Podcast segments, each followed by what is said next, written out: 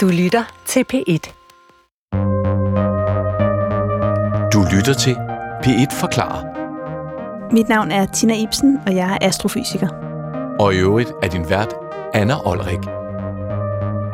Og Tina, øh, en af mine yndlingsfilm, det er Interstellar. Øh, det er jo den her med Matthew McConaughey i hovedrollen, hvor de tager ud i rummet for at øh, finde en ny planet, fordi at øh, det går helvedes til på jorden. Altså, ja, den, den er ved at være ubeboelig, ikke? Øhm, og i den her film, så bliver der talt en del om sorte huller.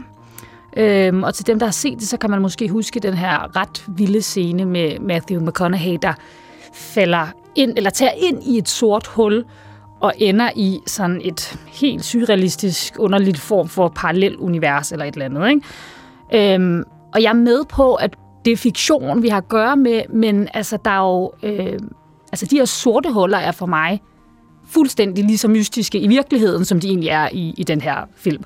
Og det er jo det, jeg tænker, vi så derfor skal snakke om, Sina. Mm. Øhm, fordi hvis vi lige spoler tilbage til før der overhovedet ville være et sort hul, som McConaughey ligesom på en eller anden måde kunne ende i.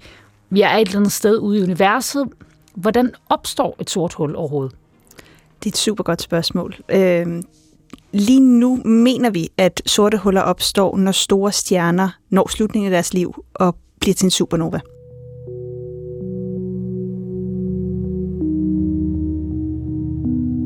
Så, så det, der sker, når, øh, når vi har en supernova, det er simpelthen, at det, de inderste dele af en stjerne, og det her skal være en stjerne, der i hvert fald er otte gange større end solen, eller mere end det. Øh, når den når slutningen af sit liv, så imploderer den inderste del, den falder simpelthen sammen. Øh, og hvis den her sammenfald bliver ved med at ske, altså simpelthen bliver ekstrem, så kan alt det her materiale, som minimum er 1,4 gange hele solens masse, falde sammen øh, og blive til et punkt, det vi kalder en singularitet. Og når vi har noget, der så ikke har nogen udstrækning, altså man kan ikke måle en diameter på det her punkt, så vi har al den her masse, der er samlet på et lille bitte punkt i den her singularitet, så har vi det, vi kalder for et sort hul.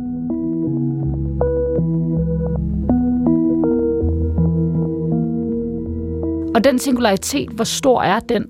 Jamen, selve singulariteten fylder ingenting. Men den her singularitet påvirker jo så området omkring sig. Og derfor så plejer vi at sige, at selve det sorte hul består af en singularitet. Og grunden til, at et sort hul er sort, det er fordi, der ikke er noget, der kan slippe væk fra et sort hul.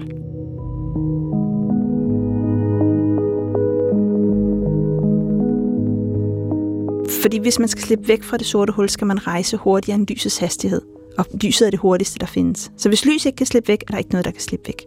Så det sluger alt omkring sig? Ja, det, ja man kan sige, det er, jo, det er jo egentlig bare tyngdekraften. Så det er ikke sådan en kosmisk støvsuger, som det også ofte bliver vist på film. Det er bare et sted, hvor et materiale er blevet trykket, altså, trykket meget, meget, meget tæt sammen. Men hvis man kommer tæt på det, så, så vil man blive trukket ind. Ja, ligesom ja. hvis man kommer tæt på jorden, eller tæt på solen, eller andre steder. Ja. Men det, der så er specielt, det er, at vi ofte siger, at, at det sorte hul består af singulariteten, og så har vi et område omkring sig, hvor at det, det bliver påvirket. Så for eksempel, hvis, øh, hvis vi skal med en rumraket og slippe væk fra jorden, så har vi det, der hedder en escape velocity, eller en undvigelseshastighed. Det kræver, at man rejser med 40.000 km i timen, for at vi kan slippe væk fra jorden. Det er derfor, vi skal bruge store raketter. Ja.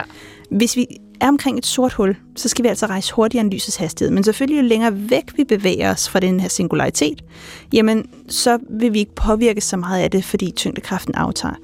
Så det, vi kan beregne for et hvert sort hul, det er det, der hedder en Schwarzschild-radius.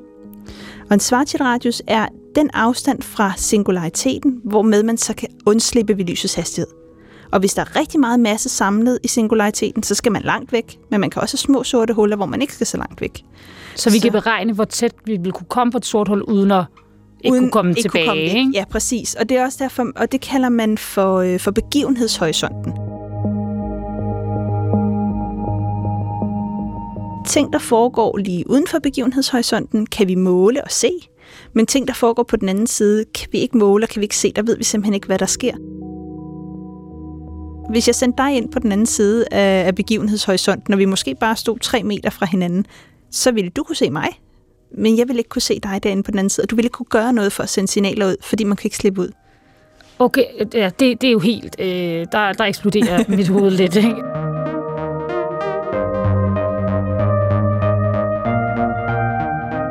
Vi kender dem her, vi kalder stellare sorte huller, som vi mener, det er jo dem, der kommer fra stjerner, der eksploderer.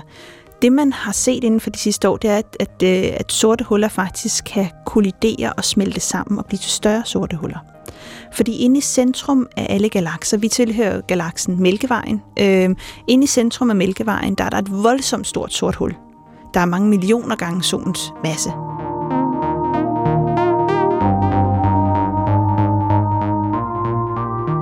Det mener vi ikke bare kan være blevet dannet sådan. Det må simpelthen være mange sorte huller, der er smeltet sammen. Så, så sorte huller kan både være, altså kan man sige, stjernestørrelser, eller galaksestørrelser, eller sådan forskellige og jo større de er, jo længere vil de kunne suge fra.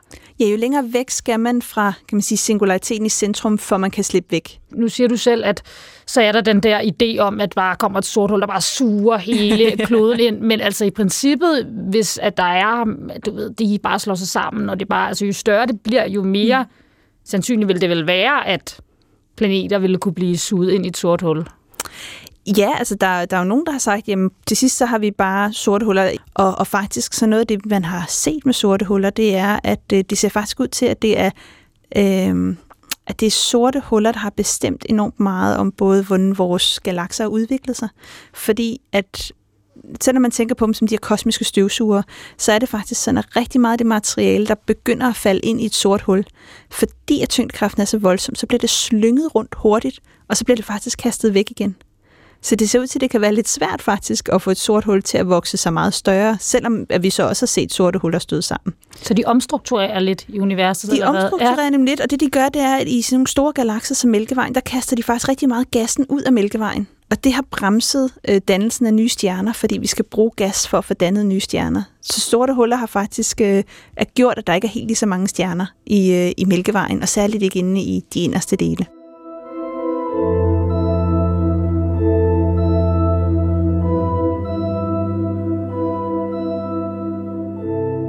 Altså, vi, vi bliver nødt til lige at hoppe lidt tilbage til Interstellar, fordi mm. det er jo her, at øh, jeg også bliver super forvirret, fordi der ryger Matthew McConaughey ned i det her sorte hul, og, og overlever det på en eller anden måde. Og det er sådan ja. super surrealist, og så ender han i sådan et eller andet underligt univers, hvor han kan kommunikere tilbage i tiden. Øhm, og jeg er med på, at det er meget surrealistisk, men Altså, hvis man kunne overleve altså har man nogen som helst idé om, hvad der er nede i et sort hul, altså hvordan det egentlig ser ud, eller hvor man vil komme hen på den anden side, hvis man, man kan sige det?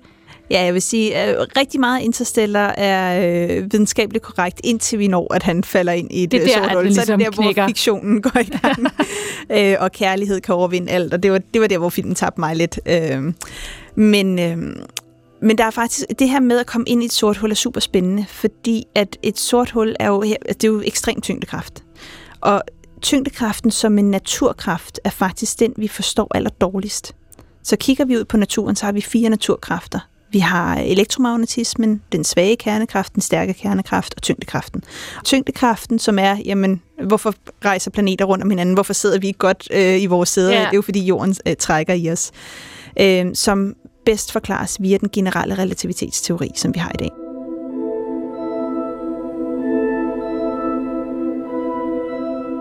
Relativitetsteori, der skal jeg lige være med på, fordi når vi taler sorte huller, mm. så har jeg hørt nogen sige, at hvis du er ved et sort hul, så står tiden stille. Ja, og det har noget at gøre med den her relativitetsteori. Det er nemlig relativitetsteorien, og det er faktisk her, hvor at hele ideen om sorte huller også startede. Før man havde set dem i virkeligheden, så kom den fra den her teori. Så det var Einsteins måde at prøve at forklare tyngdekraften på. Øh, og han forklarer tyngdekraft. Vi, er vi er vant til, at i folkeskolen og gymnasiet har man haft om Newtons, altså han fik et æble i hovedet, jorden trækker i tingene. Ja. Einstein var inde og fuldstændig ændre den måde, man så tyngdekraften som kraft på. Så det Einstein går ind og siger, det er, at vi har det, der hedder rumtiden, eller på engelsk space-time. Så vi har tre rumlige dimensioner, altså vi kan bevæge os i tre retninger. Den er fin nok, den oplever vi i vores hverdag. Og så har vi tiden som en fjerde dimension, som vi kun kan bevæge os i i en retning. Men det, som han sagde, det er, at rummet og det, der foregår i rummet, kan påvirke tiden, fordi de hænger sammen.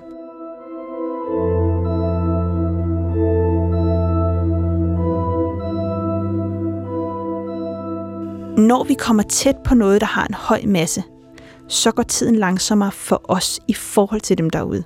Fordi det, han viste, var, at tid er relativ. Og det vil sige, at tid er ikke det samme for folk, alt efter hvor man er. Og, og her skal man... Vel, der, altså, for, ej, altså, fordi det er jo, det er jo det, altså, og det er sådan, når jeg prøver at forstå det her, så er det jo en præmis, som min hjerne ikke vil acceptere. Og jeg skal lige forstå, altså sådan helt konkret, så vil det sige, at hvis jeg er her på jorden, mm. og du tager ud i nærheden af et sort hul, og så kommer tilbage, så vil der være gået mindre tid for dig end for mig. Jamen, vi kunne faktisk også bare se det som, at, øh, at øh, jeg står øh, væk fra det sorte hul med et ur, og du har et synkroniseret ur, og du begynder så at bevæge dig rigtig tæt på det sorte hul. Jeg vil se, at mit ur går normalt.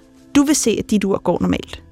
Men når jeg kigger på dig, så går det ur langsommere for dig i forhold til mit ur. Så jeg vil se dit ur gå langsommere, og du vil se mit ur gå hurtigere. Og det er simpelthen fordi, at vi er to forskellige steder i rummet. Vi bliver påvirket af to forskellige tyngdekræfter, og det påvirker altså også tiden. Så det vil sige, at jeg vil føle helt normalt, men du vil se ud, som om du bevæger dig meget langsomt, og tingene vil være voldsomt langsomt, og du vil se, at jeg sådan kører sådan øh, i, øh, i meget, meget hurtigt, altså som man spoler frem øh, på en film. Øh, og det er simpelthen fordi tiden påvirkes af rummet, af hele den her rumtidsanalogi. Øh,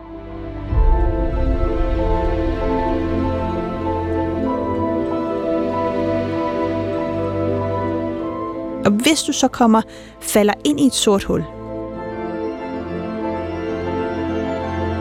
så når du kommer, altså så når du skal falde ned i det her sorte hul, jamen så vil du egentlig falde ind for evigt, fordi du skal falde rigtig langt ind, set fra min side af. Så jeg vil se dig til al evighed falde ind i det her sorte hul, og du vil se tiden ude i universet gå enormt hurtigt. Ja, tak. Og det, det og det, men det er, altså, det er sådan noget, der er mærkeligt. Det og der var også, så det mærkeligt. tog rigtig lang tid for forsker, andre forskere at acceptere den her teori. Men hver gang vi har testet Einsteins teorier, så ser de faktisk ud til, de rigtige. Så det er sådan lidt, universet er mærkeligt. Men og det, det, er sådan, det kommer det er. også til at tage mig rigtig lang tid at acceptere det her.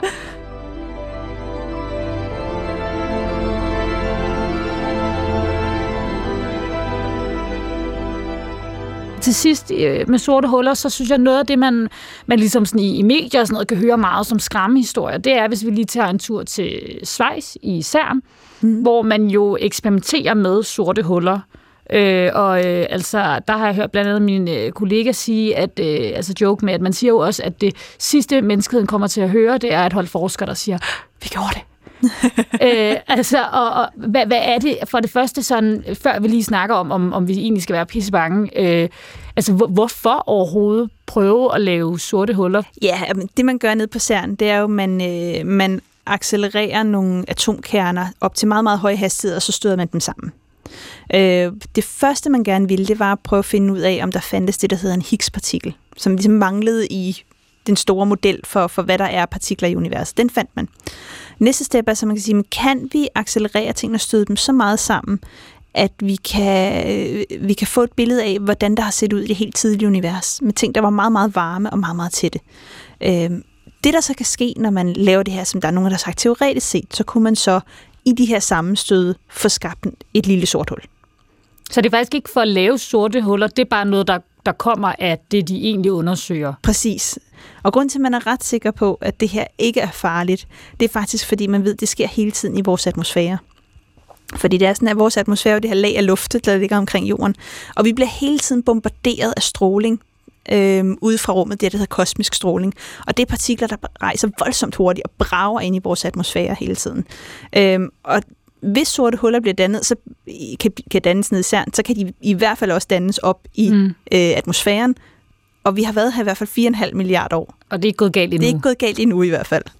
så altså sådan små sorte huller er der ikke nogen grund til at være bange for, med mindre de lige pludselig slår sig sammen, og så kan vi Præcis. tage en snak igen. Eller det kan vi så ikke. Nej, det kan vi så ikke. Nå, så vil jeg lade det være det sidste ord. Tusind tak. Selv tak. Det her var P1 Forklarer.